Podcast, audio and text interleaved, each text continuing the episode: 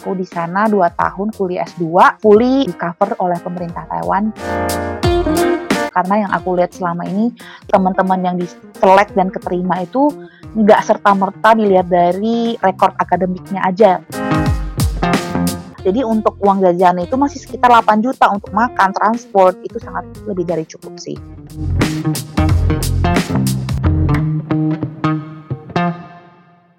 Hai NCCU listeners, kembali lagi nih sama aku Brigita di podcast Study at NCCU. Di podcast kali ini, kita kedatangan salah satu alumni NCCU yang kuliahnya dibayarin penuh oleh pemerintah Taiwan. Jadi, Cici yang satu ini berhasil mendapatkan beasiswa MOI pada tahun 2017.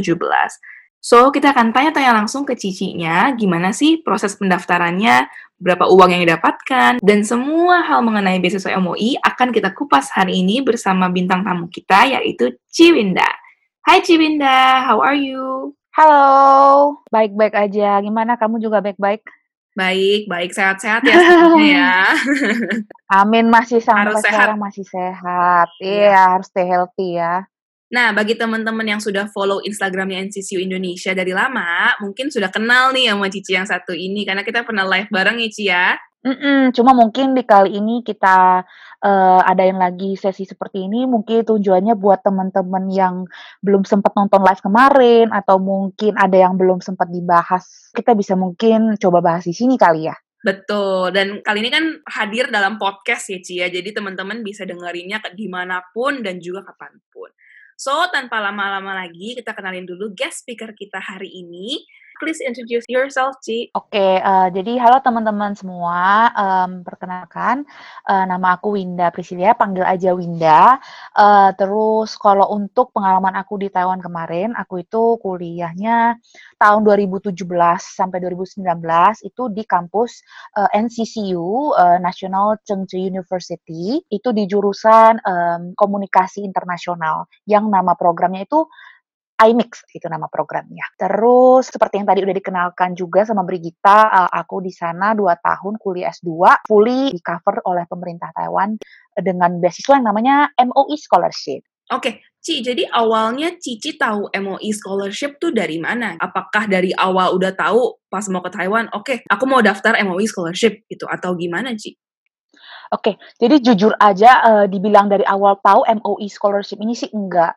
Uh, mungkin apa karena aku memang tidak menaruh perhatian ke arah itu atau memang sekedar mem karena beasiswa ini tidak sepopuler uh, beasiswa-beasiswa yang ada di Indonesia kayak misalnya LPDP dan segala macam. Jadi emang awalnya sama sekali nggak tahu menau soal yang namanya MOE scholarship ini. Tapi pas kuliah semester akhir emang udah ada ketertarikan memang mau lanjut S2. Cuma mikirnya waktu itu, oh mungkin kita habis lulus tahun kerja dulu baru lanjut S2. But uh, waktu itu happen uh, to be aku itu S1-nya agak kecepatan sidangnya lebih cepat lulus, punya banyak waktu untuk nunggu wisuda. Jadi bener-bener nggak ada kerjaan ngapa-ngapain. Uh, terus waktu itu juga ada uh, pameran di bawah kampus aku, beberapa negara yang memang menyiapkan program beasiswa untuk kuliah S1, S2, S3 dan bahasa. Mereka ada pameran di situ dan aku lihat-lihat eh dan itu ada salah satu si stand uh, MOE scholarship ini. Jadi dari situ banget awal aku tahu MOE scholarship, terus ya udah sih akhirnya coba-coba cari tahu sendiri juga di internet. Dan kebetulan banget ketemu sama anak Indonesia yang udah lebih dulu satu tahun di sana di kampus yang sama program yang sama dan dia ternyata juga alumni uh, kampus yang sama dengan aku di Jakarta gitu. Jadi sejak saat itu udah tahu ada kakak kelas aku makin banyak lagi nanya ke dia langsung. Karena dia yang lebih tahu di lapangan kondisi dan uh, segala macam hal-hal yang terkait dengan beasiswa maupun kampus NCCU. Jadi kurang lebih awalnya sih kayak gitu. Beruntung banget sih Ci ya, kayak dapat mentor gratis ya Ci ya, bisa nanya-nanya semuanya ke ke temen Cici itu ya. Iya bener banget sih. Jadi aku juga berharap sebenarnya podcast ini walaupun aku bukan teman tapi bisalah menjadi kayak panduan buat teman-teman yang nanti sendirian banget gak ada bantuan sama sekali dari teman maupun rekan-rekannya yang di Taiwan. Asal kalian dibekali dengan pengetahuan tuh dan informasi itu bisa banget gitu sebenarnya untuk ke Taiwan sendirian gitu. Bener banget. Dan ada Ciwinda di sini yang akan menuntun teman-teman Iya, semuanya ya. betul. Nah, Ci, aku mau nanya Ci, um, karena kan kuota untuk MOI kan nggak banyak ya, dan yang mendaftar kan hmm. banyak banget kan. Nah, Cici tuh itu ada backup plan nggak sih? Kalau misalkan uh, amit-amit nih nggak dapet MOI scholarship hmm. gitu, Cici apakah akan bayar sendiri ataukah Cici ada apply beasiswa yang lain gitu loh, seperti mungkin beasiswa NCCU atau mungkin beasiswa dari kantor misalkan gitu? Oke. Jadi, uh, kalau waktu itu aku ceritanya benar-benar fresh graduate. Waktu itu memang ada ngantor, tapi pun magang. Jadi, beasiswa magang di kantor itu juga maksudnya, uh, tidak ada tidak ada keterkaitan dengan beasiswa ke Taiwan ataupun beasiswa untuk kuliah lagi di Jakarta sendiri. Jadi benar-benar waktu itu harapan utama aku emang prioritasnya di MOI ini. Cuma di saat yang nggak jauh berbeda, aku sempat juga daftar beasiswa lain, uh, which is uh, beasiswa dari mainland China, uh, yang namanya itu aku lupa sih, tapi pokoknya intinya beasiswa untuk S2 juga di situ uh, Chinese scholarship. Tapi pada akhirnya sih aku ambil yang MOI ini gitu. Jadi uh, apakah aku rekomendasiin teman-teman untuk punya backup plan cari beasiswa lain menurut aku sih boleh-boleh aja. Tapi asalkan kalian sebenarnya udah maksimalkan di satu beasiswa ini, uh, aku rasa sih cukup-cukup aja untuk daftar satu beasiswa ini gitu. Karena uh, terutama untuk MOE scholarship ini menurut aku peluangnya cukup oke okay untuk kalian coba karena yang aku lihat selama ini pengalamannya teman-teman yang di select dan keterima itu nggak serta merta dilihat dari uh, rekor akademiknya aja yang IPK-nya tinggi atau mungkin bisa dibilang mungkin dia prestasinya secara akademik yang lain yang mendukung itu enggak. Jadi banyak aspek lain yang menurut aku uh, dilihat di beasiswa ini gitu. Dan kemungkinannya lebih tinggi sih menurut aku daripada beasiswa-beasiswa lain yang teman-teman mungkin udah rasa lebih terkenal dan lebih tahu. Tapi semakin populer itu beasiswa berarti tandanya siap-siap juga persaingan dan apa ya jumlah orang yang mendaftar juga pasti akan makin banyak dan makin sengit. Kalau di case-nya aku waktu itu sih aku pikirannya kalau nggak keterima MOI aku emang nggak akan lanjut lagi untuk S2 karena kembali lagi S1 dengan S2 mungkin beda. Kalau S1 teman-teman ngerasa itu emang sesuatu yang compulsory, wajib banget untuk bisa dapat kerja paling nggak di Indonesia gitu. Tapi beda hal dengan S2. S2 itu kan opsi tambahan. Kalian nggak harus S2 pun kita juga udah bisa mulai bekerja gitu. Jadi uh, dalam pikiran aku kemarin uh, dua tahun lalu itu adalah ya tidak masalah gitu kalau misalnya uh, S2 beasiswa nggak dapat ya berarti bukan saatnya aku untuk ambil S2 di tahun itu gitu sih. Iya bener sih karena emang banyak hmm. murid Indonesia yang daftar beasiswa terus udah keterima hmm. nih di NCCU tapi beasiswanya nggak dapet terus akhirnya mereka cancel. Mereka nggak jadi ke Taiwan gitu nggak jadi ambil S2-nya karena ya memang nggak wajib ya Cia kalau S2 ya. Beda dengan S1 ya betul. Tapi put in the mind juga sebenarnya teman-teman kalau ngerasa uh, salah satu alasan untuk menolak ini namanya penerimaan dari NCCU itu karena misalnya karena masalah finansial menurut aku sebenarnya itu uh, juga apa ya, bisa dipikirkan ulang. Karena dibilang mahal banget tuh sebenarnya enggak, karena menurut aku kuliah di Taiwan itu biayanya bahkan bisa dibilang setara dengan Jakarta atau bahkan lebih murah dibandingkan dengan beberapa universitas swasta yang ada di Jakarta gitu. Jadi um, kalau kalian benar-benar sebenarnya ada itu uang dan kalian sudah prepare semuanya dan udah keterima, jujur aja agak sedikit sayang untuk kalian buang kesempatan itu. Kembali lagi dipikir sih, uh, sebenarnya kamu keluar sedikit duit untuk semester pertama, it's okay. Nanti setelah kamu udah sampai di Taiwan, itu banyak lagi kok siasat gimana cara kamu untuk bisa mencari pundi-pundi uang itu kembali gitu. Karena terutama bagi teman-teman yang nggak punya bias, eh, nggak dapat beasiswa, itu ya lebih gampang untuk cari kerja di Taiwan gitu. Jadi uh, seperti yang kalian tahu juga di Taiwan gajinya juga lebih tinggi dari Jakarta. Jadi pastinya kalau kalian giat uh, itu tuh bisa banget untuk ngumpulin uang itu kembali gitu. Jadi aku nggak nyaranin kalian untuk nolak ya, juga bukan bilang kalian harus terima, tapi uh, ya be smart dan be kalkulatif aja untuk ngitung-ngitung kayak gitu sih. Benar-benar, karena memang masuk NCCU, NCCU kan salah satu universitas negeri terbaik di Taiwan ya, dan Betul. masuk ke NCCU. Jadi sayang banget kalau memang udah diterima tapi harus menolak karena masalah finansial. Nah, nanti di podcast selanjutnya nih kita kita ada guest speaker Ci bagaimana mencari pundi-pundi uang kalau kalian Ci Winda hmm. tadi ya di Taiwan iya. sampai murid ini bisa membayar uang sekolahnya sendiri. Nanti kita akan bahas di next podcast.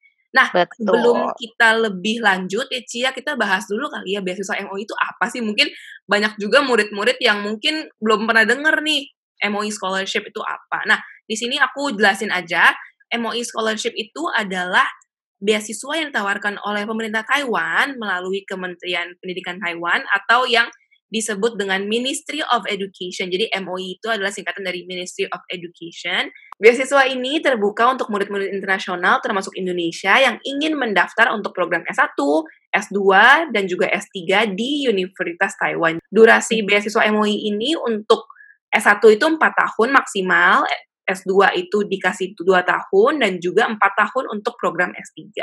Nah, untuk mendaftar beasiswa MOI ada beberapa syarat ya teman-teman. Misalkan seperti teman-teman nggak boleh merupakan warga negara Taiwan atau keturunan overseas Chinese atau keturunan Tionghoa ya Cia. Nah, cuma kan di Cia ada keturunan Tionghoa. Jadi Cia waktu itu boleh mendaftar toh. Jadi jujur aja kalau kayak aku, aku ini kan sebenarnya bisa dibilang ada keturunan Tionghoanya nih. Uh, dan biasanya ada juga beberapa case teman-teman yang ada keturunan Tionghoa kayak aku, uh, pas daftar kuliah itu dia daftar sebagai overseas Chinese gitu. Nah, tapi di sini aku sarankan kalian untuk uh, tidak usah menggunakan identitas itu ketika kalian mau daftar uh, scholarship MOE ini. Lebih baik kalian daftar dengan posisi kalian statusnya sebagai uh, mahasiswa internasional atau ya warga negara Indonesia aja gitu. I see. Nah, ini teman-teman boleh take notes ya, bahwa kalian dianjurkan untuk mendaftarkan melalui jalur international students ya, Ci jatuhnya ya. Nah, beberapa syarat lainnya, misalkan teman-teman nggak boleh terdaftar sebagai mahasiswa program pertukaran pelajar, ataupun teman-teman kalau dulu pernah membatalkan beasiswa MOI di tahun-tahun sebelumnya, kalian nggak boleh lagi mendaftar beasiswa MOI.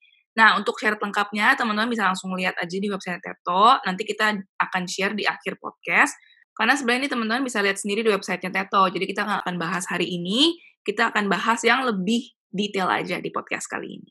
Nah, kapan sih Ci pendaftaran MOI dibuka gitu loh. Jadi kan kalau teman-teman yang misalkan udah boleh nih mendaftar, mereka kapan sih harus menyiapkan dokumen-dokumen itu? Dan prosesnya okay. berapa lama sih Ci kira-kira untuk pendaftaran beasiswa MOI? Mm, mm Jadi kalau dibilang kapan beasiswa MOI dibuka, biasanya itu dia akan buka di sekitar awal bulan Februari dan berakhir di akhir Maret uh, tahun itu. Dan dia bukanya hanya setahun sekali.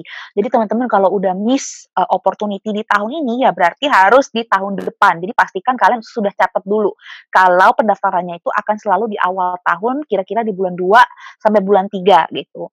Nah, uh, maka dari itu kalau kalian sekarang udah dengar podcast ini dan kira-kira tertarik dan sudah telat memang untuk daftar tahun 2021, which means kalian bisa persiapkan uh, itu dari sekarang-sekarang juga nggak telat gitu teman-teman.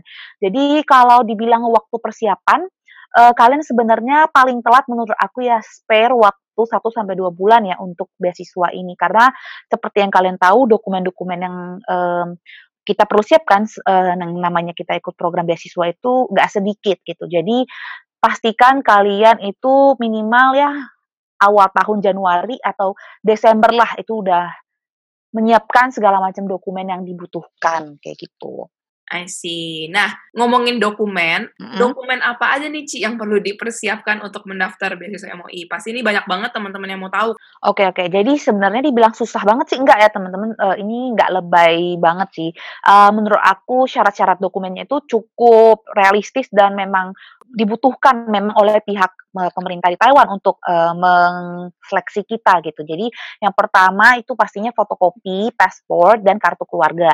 Jadi buat teman-teman yang belum punya paspor ya harus bikin dulu dari sekarang-sekarang ini gitu.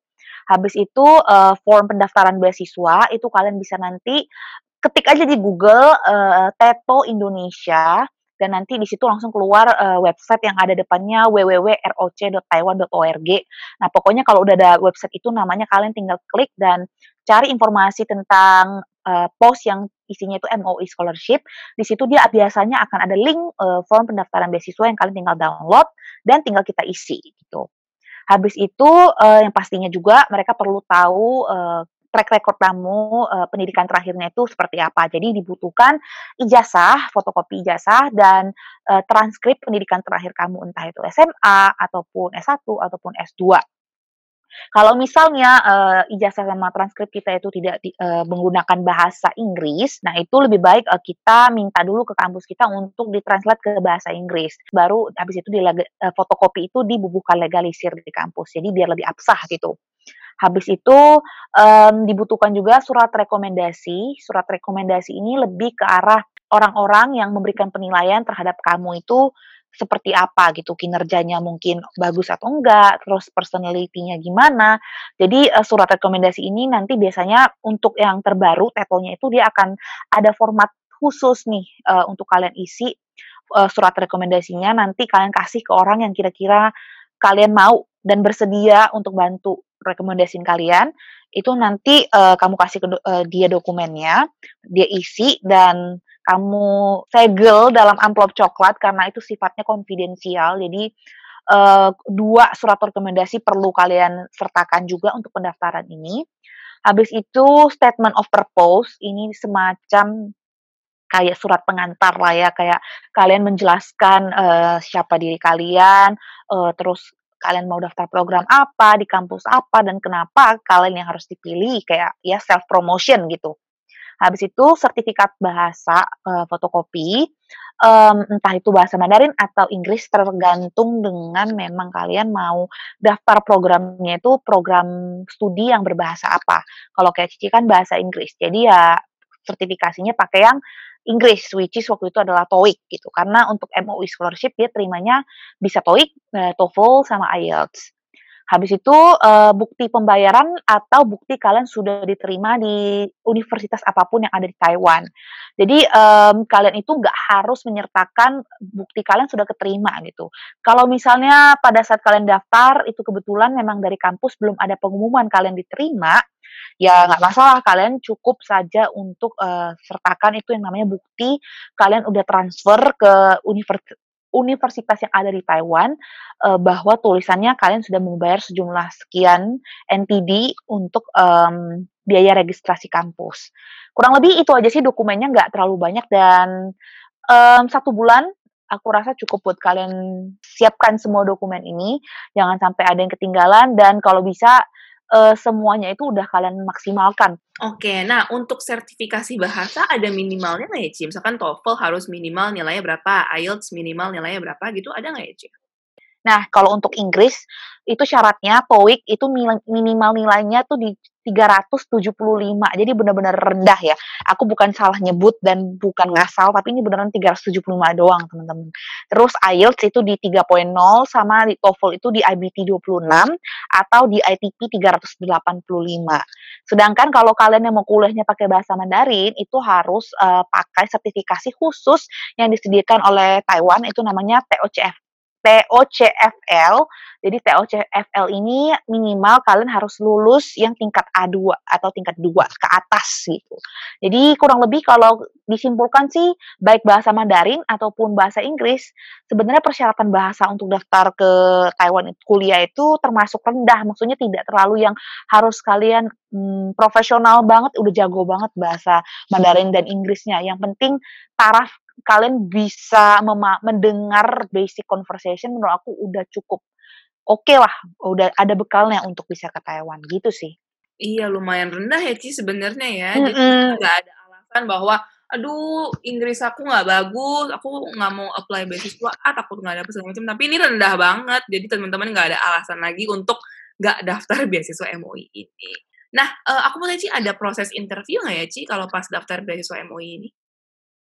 Oke, uh, proses interview nggak ada. Jadi bisa dibilang ini salah satu untungnya kalian kalau ikut MOE scholarship. Karena kebanyakan jenis beasiswa lain itu tahapannya banyak banget, udah administrasi, interview, mungkin ada juga yang kalian harus submit assessment atau tugas-tugas. Jadi kayak screeningnya tuh banyak banget. Sedangkan untuk MOE scholarship ini, untuk sampai terakhir yang aku dapatkan infonya di tahun ini pun, dia cuma pakai proses administrasi seleksinya. Jadi benar-benar dari tahapan tadi yang kalian siapkan berkas-berkas itu di atas, uh, cukup gitu. Jadi kalian tinggal kumpulin dan tinggal tunggu hasilnya, kalian diterima atau enggak. Sehabis itu ya udah nggak ada lagi tahapan lain gitu sih. Jadi bener-bener uh, simple dan ringkas gitu loh prosesnya. I see. Oke, sip. Nah, selanjutnya nih Ci. Cici kan salah satu penerima beasiswa MOI di tahun 2017 ya.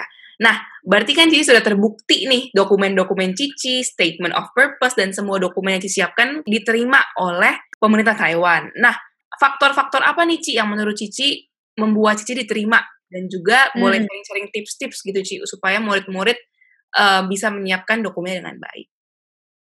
Oke, menurut aku, sebenarnya banyak sih yang sempat nanya kayak, "Ini mah kayaknya karena Winda yang maksudnya IPK-nya bagus atau apa?"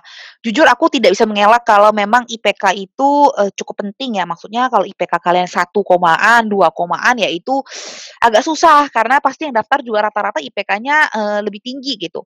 Jadi kalau aku bilang IPK itu emang nggak penting, tapi paling nggak ya adalah tiga teman-teman. Nah, tapi menurut aku yang paling penting kalau aku mereview hasil aku sendiri, kemarin itu lebih ke tiga poin ini sih. Jadi yang pertama tadi aku sempat ngomong adalah surat rekomendasi. Karena e, menurut aku selain dari siapa yang memberikan, tapi e, seberapa dia merekomendasikan kamu itu juga penting gitu. Jadi membuktikan kalau memang orang ini e, kalau kerja sama orang atau di lingkungan kerja itu uh, memang oke okay gitu loh kualitasnya. Nah, tips-tipsnya aku sih paling kalian uh, kalau bisa cari memang orang-orang yang memang punya apa ya, social status yang setinggi-tingginya lah entah itu dari jabatan dia, mungkin general manager atau mungkin direktur atau siapa pun yang paling tinggi jabatannya yang bisa kalian cari gitu. Terus uh, kalau emang itu susah banget ya kalian tinggal cari aja orang orang-orang yang mungkin uh, secara popularitas dia nggak terlalu terkenal nih, tapi dia udah pasti 1000% bisa kasih penilaian yang paling bagus uh, tentang kamu gitu. Mungkin 1 sampai 5 skalanya dia bisa kasih 4 atau 5 gitu. Jadi uh, dua itu sih opsi menurut aku untuk rekomendasi letter um, entah cari yang jabatannya itu benar-benar oke, yang benar-benar namanya itu dikenal orang, atau yang benar-benar bisa kasih kalian tuh penilaian terbagus. Itu poin yang menurut aku tips yang paling paling paling berpengaruh.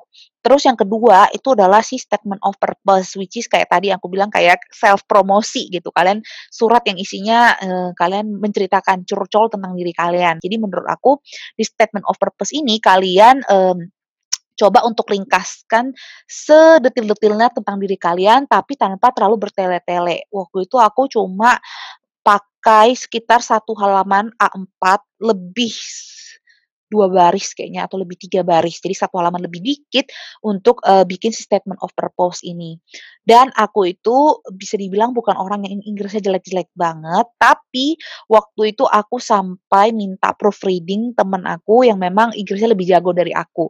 Just in case memang karena aku daftarnya program bahasa Inggris dan S2 juga, jadi aku ngerasa memang butuh untuk bikin statement of purpose yang lebih terlihat profesional. Jadi teman-teman ini tips oke okay banget menurut aku yang bagi teman-teman yang nggak pede sama bahasa Inggris kalian atau bahasa Mandarin kalian, kalian bisa cari uh, minta tolong teman-teman kalian yang kira-kira lebih oke okay, bahasanya lebih mateng gitu, bisa bantu kalian untuk proofread. Dan kalau dari segi konten, uh, menurut aku cukup kalian bedah di statement of purpose itu yang penting ada tentang siapa diri kalian, nama, terus udah gitu pendidikan terakhirnya di mana, jurusannya apa, kenapa tertarik dengan um, kuliah di Taiwan dan kampus ini dan program ini itu kalian jelasin secara singkat satu dua paragraf Terus juga habis itu kalian juga sedikit jelaskan tuh tentang achievement apa atau mungkin prestasi terbaik apa, eh, baik itu di akademik ataupun non akademik yang sudah pernah kalian dapatkan gitu. Kalau misalnya kalian kerja mungkin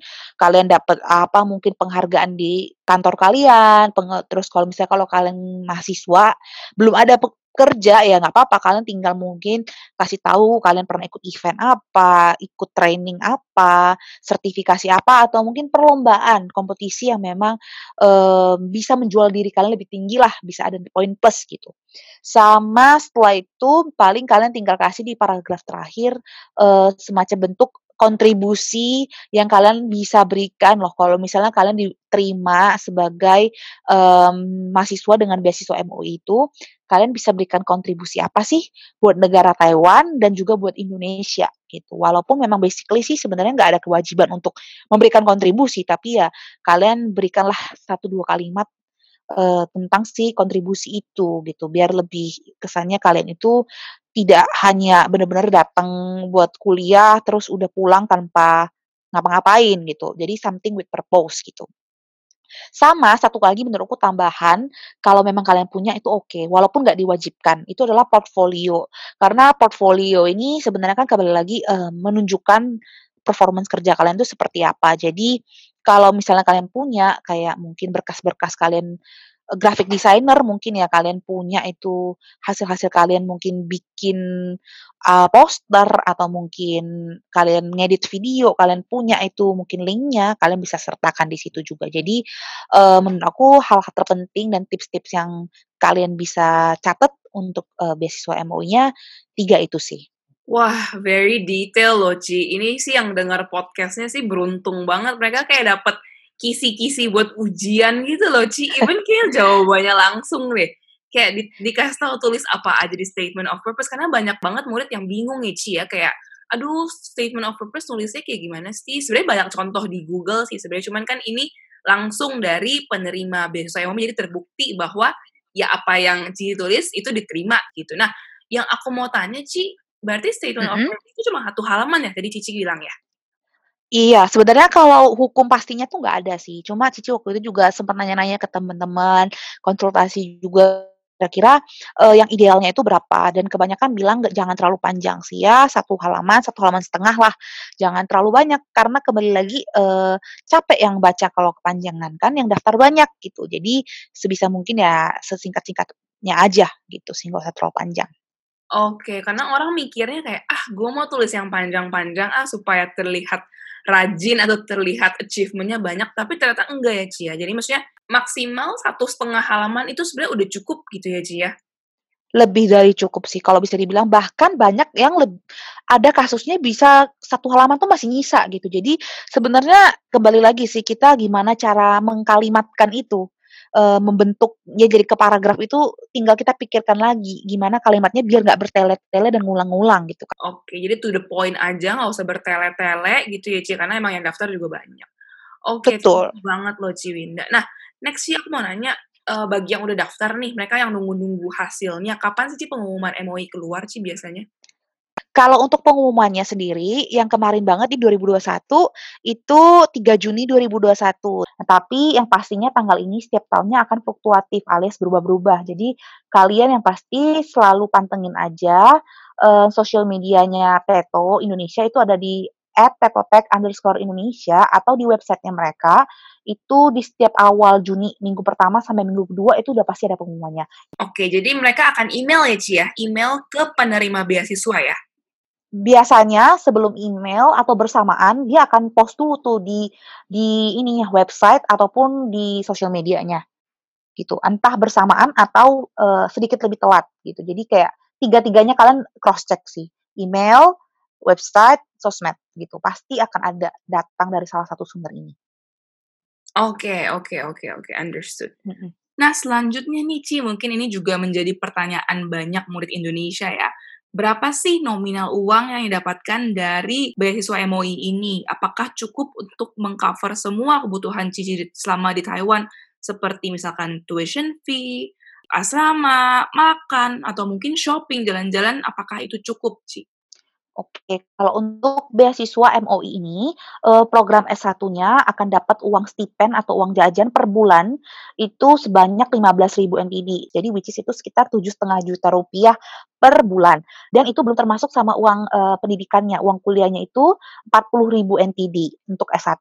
Sedangkan untuk uh, S2 itu itu dan S3 sama, uh, uang stipen atau uang jajannya itu adalah 20.000 NTD atau sekitar 10 juta rupiah, dan uang kuliahnya sama dengan S1 adalah 40.000 NTD per semester atau sekitar 20 juta per semester gitu. Jadi, uh, dibilang cukup atau enggak untuk cover semua biaya di Taiwan, mostly mayoritas bisa dibilang cukup terkecuali untuk kasus-kasus luar biasa. Misalnya kalau kalian punya biaya kuliah melebihi dari 40.000 NTD gitu.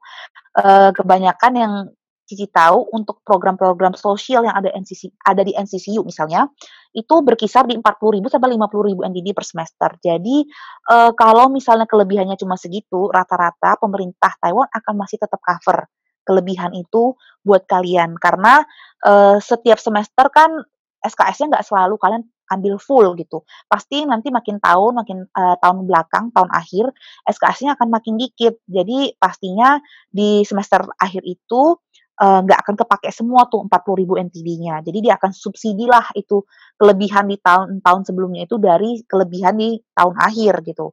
Tapi kalau misalnya kalian kuliahnya sampai 80.000 NTD, 90.000 NTD, which is udah dua kali lipat, itu harganya beda atau misalnya kurang, ya berarti itu kalian harus punya um, dana tambahan sendiri, which is kalian harus support entah itu dari uang kalian orang tua yang support atau kalian kerja sendiri di Taiwan gitu. Jadi dibilang cukup atau enggak dari aku pengalaman aku sih sangat cukup karena biaya kuliah aku uh, jurusan komunikasi itu enggak pernah lebih dari 50.000 NTD per semester. Terus juga kalau untuk uang dormitory di NCC itu sekitar satu juta sampai dua juta setengah, nggak sampai tiga juta lah kalau untuk yang kamarnya berdua gitu. Jadi um, per bulan cuma keluar 2 juta, uang jajan aku itu adalah sekitar 9-10 juta. Jadi untuk uang jajan itu masih sekitar 8 juta untuk makan, transport, itu sangat lebih dari cukup sih.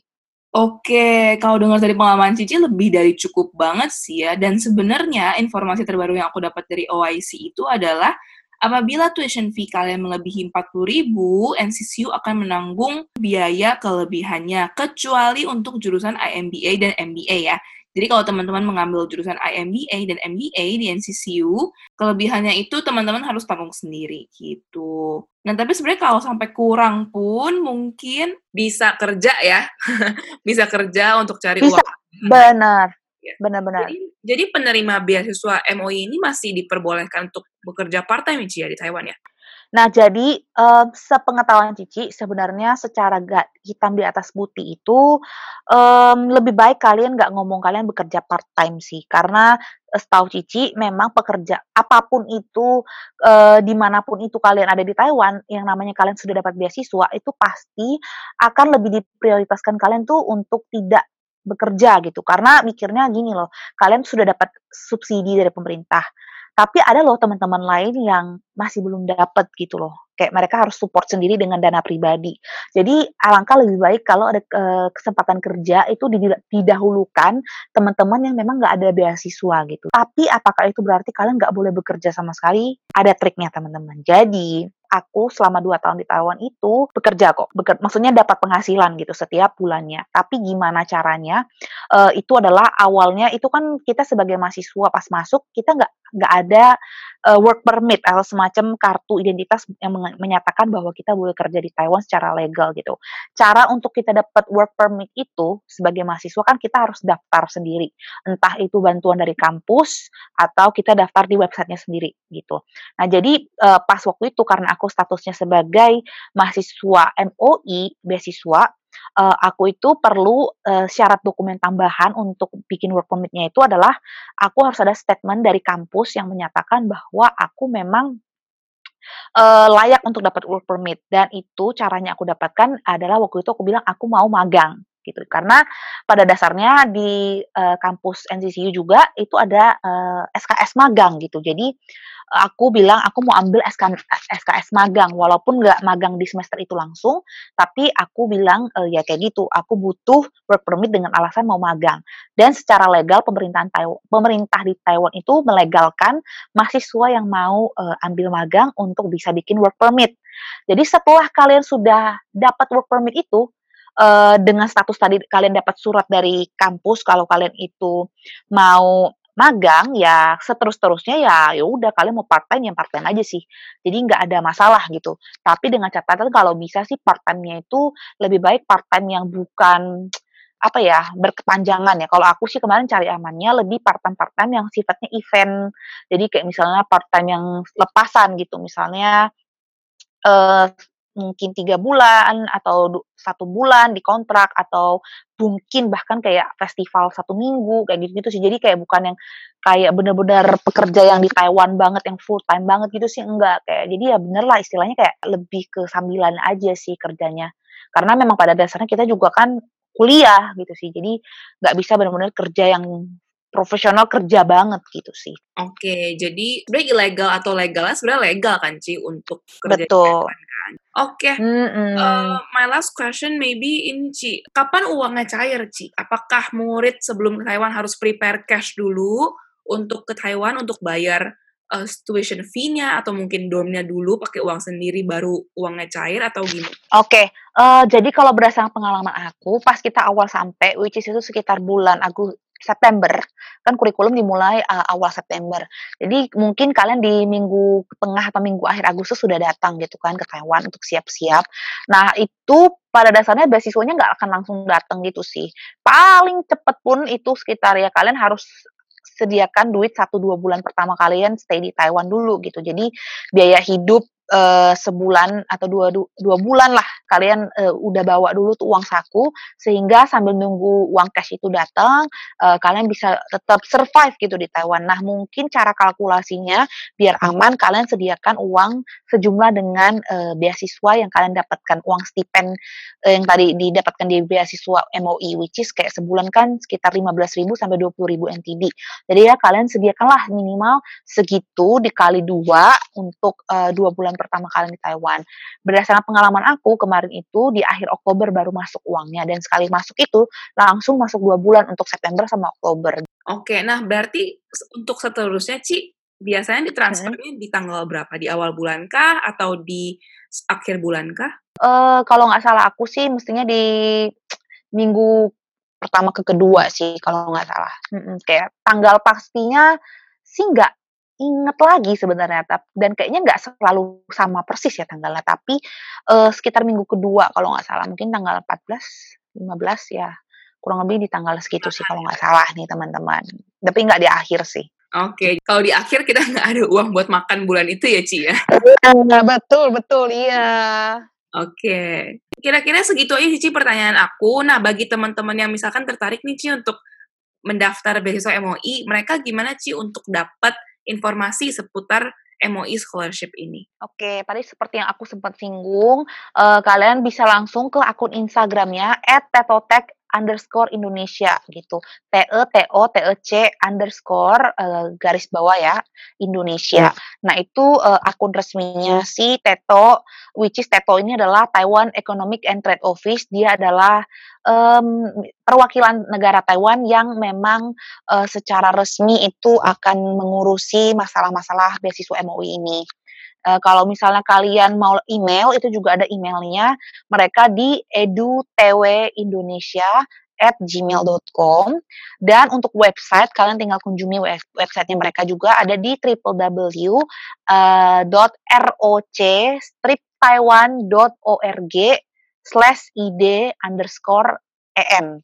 Jadi uh, website itu uh, nantinya akan langsung diarahkan ke ROC Taiwan, tapi untuk uh, khusus page-nya Indonesia gitu.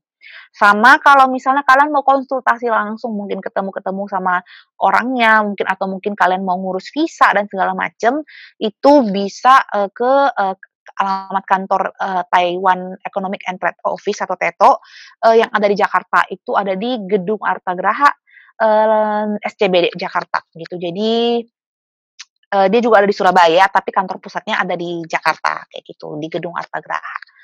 Oke, jadi itu aja teman-teman untuk hari ini. Thank you so much Ciwinda udah luangin waktunya untuk sharing tentang pengalamannya.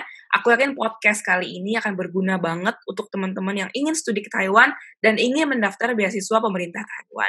Nah, bagi teman-teman yang masih memiliki pertanyaan seputar beasiswa MOI, bisa juga nih tanyakan ke Ciwinda karena Ciwinda juga ada bikin YouTube juga ya, Ci, YouTube, YouTube channel dan sharing-sharing juga seputar studi Ciwinda di Taiwan. Jadi bisa follow Cici di mana nih, Ci? Uh, kalau account Instagram itu ada di uh, Winda Priscilia, W I N D A P R I S C I L L I A atau di account YouTube-nya aku itu namanya uh, With Me Winda Priscilia gitu.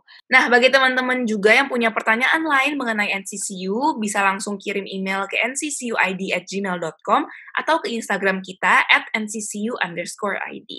Oke, okay? so that's it for today teman-teman. See you in our next podcast. 再见。